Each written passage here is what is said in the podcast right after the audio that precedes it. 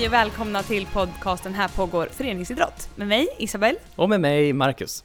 Ja, och du är med idag för att du jobbar med utbildning gällande nya dataskyddsförordningen GDPR. Mm, det stämmer. Vi eh, har haft ett antal utbildningar för idrottsföreningar i den nya dataskyddsförordningen. Mm, och det känns mm. ju väldigt aktuellt nu eftersom att det här börjar gälla från och med 25 maj. 25 maj stämmer. Vad är egentligen GDPR? Eh, GDPR som du sa, det är en dataskyddsförordning som träder i kraft 25 maj i alla EUs medlemsländer. Så det är ingenting som eh, vi i Sverige har kokat ihop utan det gäller hela EU. Eh, det kommer ersätta våran PUL-lag, personuppgiftslagen, och eh, syftar egentligen till att stärka rättigheter för de enskilda och eh, att likforma all eh, personuppgiftsbehandling inom EU. Ja, och det låter ju väldigt stort och väldigt, väldigt mycket fina ord. Mm. Eh, om man börjar med vad räknas som personuppgift? Ja, det här kommer innebära visst ökat ansvar och skyldigheter för föreningen. Eh, för i personuppgiftslagen så har det varit mycket fokus på fullständigt personnummer, att det är eh, en, en eh, personuppgift. Men eh, numera så är alla uppgifter som direkt eller indirekt kan kopplas till en person en personuppgift. Så det kan vara allt ifrån personnumret såklart, namn, adress, telefonnummer, men eh, även foton och om man har ljudupptagningar på personer. Det är ganska mycket som innefattas i mm. den här lagen. Japp.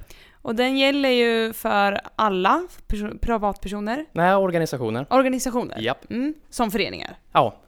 Och hur ska föreningar jobba med det här? Det känns ju väldigt...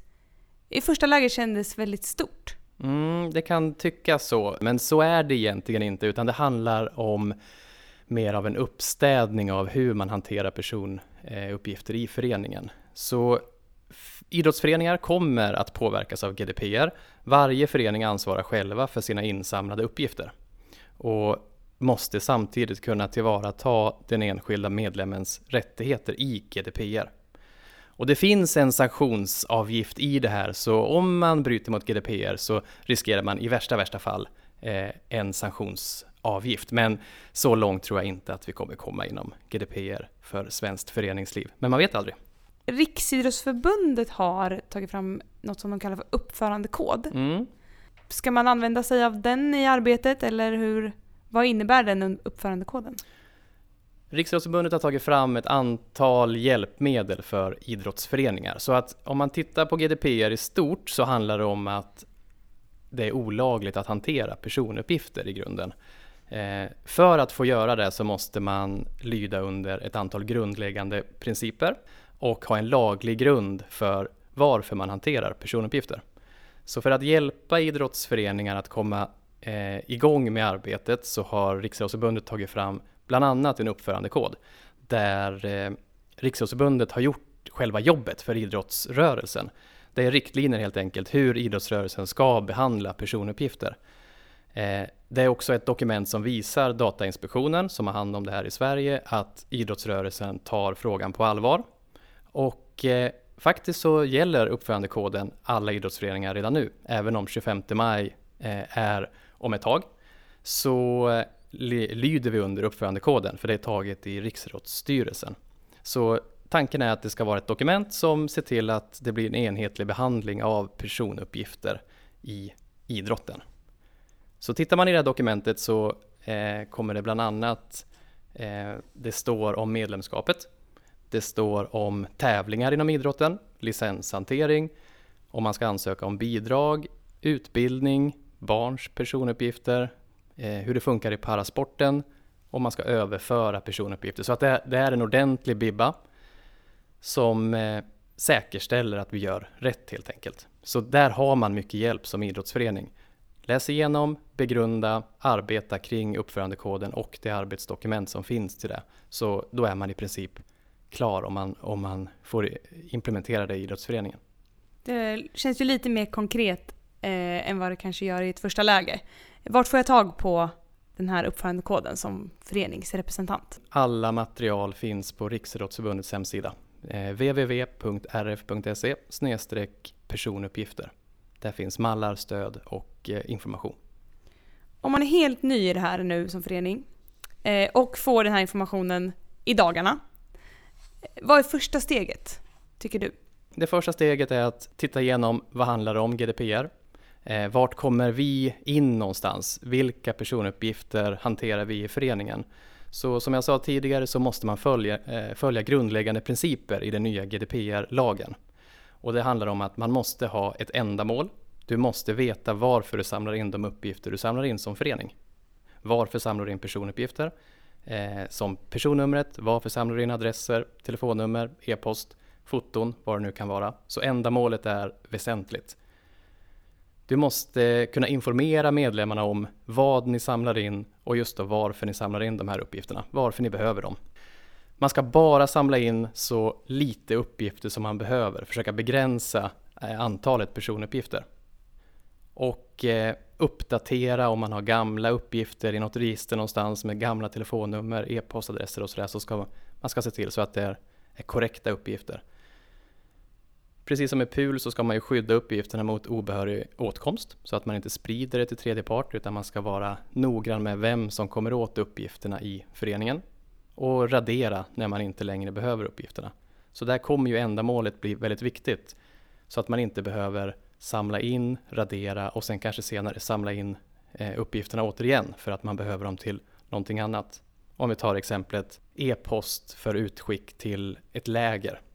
Då kan man göra ändamålet större än att bara ha det till det lägret, utan man behöver det för mer informationsutskick i föreningen. Har man bara ett ändamål att skicka ut information till lägret så då måste man radera det när lägret är över, för då är ändamålet uppfyllt och du har inte längre behov av dem. Okej. Men som ja. kommande informationsutskick Precis. så skulle man då kunna spara dem under en lite längre tid. Ja, för då pratar vi om laglig grund. Ja. Så det här är de grundläggande principerna. Du måste ha ändamål, du måste ha öppenhet med information, du måste ha uppgiftsminimering, att samla in så lite som möjligt. Men du måste också ha en laglig grund i GDPR för att kunna samla in personuppgifter. Och där har vi en stor laglig grund inom idrottsrörelsen, medlemskapet. Så medlemmarna som är medlemmar i en idrottsförening har ingått ett avtal i och med medlemskapet, man har betalat in medlemsavgiften. Så då kan man samla in de uppgifterna man anser sig behöva från föreningen av sina medlemmar. Då har man en laglig grund. Då är det bara att jobba med vilka uppgifter och varför.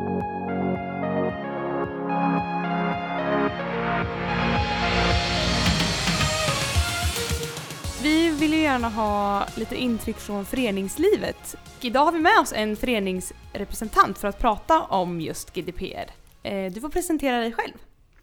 Jag heter Yvonne och jobbar som kanslist på Örebro simallians. Vad roligt att du vill vara med och prata lite om det här ganska svåra ämnet ändå. Tack så mycket. Vilka är dina intryck, eller din förenings intryck av GDPR?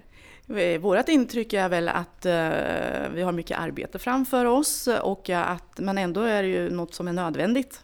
Uh, och uh, ja, vi ska påbörja det här och göra så gott vi kan. Känns det bra? Det är svårt att säga just nu eftersom det här är så nytt och vi har inte satt oss in i det ordentligt utan vi har lämnat det här till styrelsen och styrelsen ska ta fram då vem som kommer att få ha olika ansvarsområden eh, och vice versa. Då. Mm. Och eh, fram till nästa möte som de ska ha så ska de gå igenom det här föreslagna GDPR-policyn. Och ja. sen eh, därefter så ska vi se till att det här kommer ut till alla våra medlemmar som får ta del av det också. Då. Kändes det som att styrelsen redan hade hört talas om GDPR eller kom det som en, eh, en nyhet för dem när ni pratade med styrelsen om den information som ni fick här på en utbildning för ett par veckor sedan? Vi har väl alla hört talas om GDPR, men vi har väl inte förstått innebörden av det, att det var så väldigt mycket arbete runt omkring det. För det är ju många personuppgifter som vi behandlar. Och eh, ja, man får väl vara vaken och alla diskuterar med varandra eh, i vilka sammanhang vi ska använda de här och om det är lagligt eller ej. Så att, eh, ja, det är mycket att tänka på. Tycker ni att informationen och den hjälp som finns bland annat på Riksidrottsförbundets hemsida hjälper er framåt och är tydlig nog? Ja, så mycket som jag har läst nu, eh, vet, kan inte svara för de andra då, så har det varit bra. Men fortfarande är det väldigt mycket och man kan gå in på många olika sidor och läsa om det. Och det står lite olika så man blir lite förvirrad. Men det ska väl lösa sig det också. Mm. Mm. Vet du hur ni kommer meddela medlemmarna? Det har vi inte tagit ställning till än. Utan eh, den här eh, integritetspolicyn, den måste ju bara ut. Och eh, sen måste vi diskutera om hur vi ska få ut den, vilket inte är gjort än. Är det så att det, är, att det måste vara en person i en förening, och nu tittar jag på dig Marcus, som är ansvarig? Mm, föreningen ska utse en person som är GDPR-ansvarig. Men det innebär ju inte att det är den personen som är ensam att jobba med frågan, utan det måste ju förankras ganska brett i styrelsen. Men det ska vara en som är ansvarig.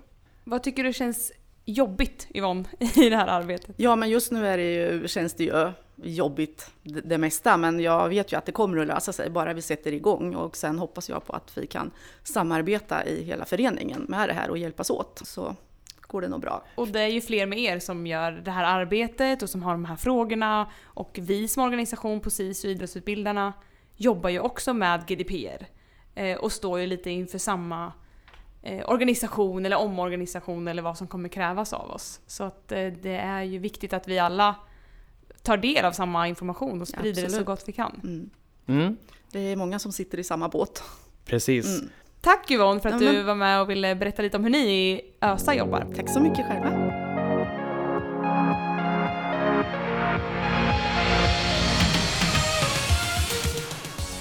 Du har lyssnat på ett avsnitt ur podden Här pågår föreningsidrott om GDPR, den nya dataskyddsförordningen.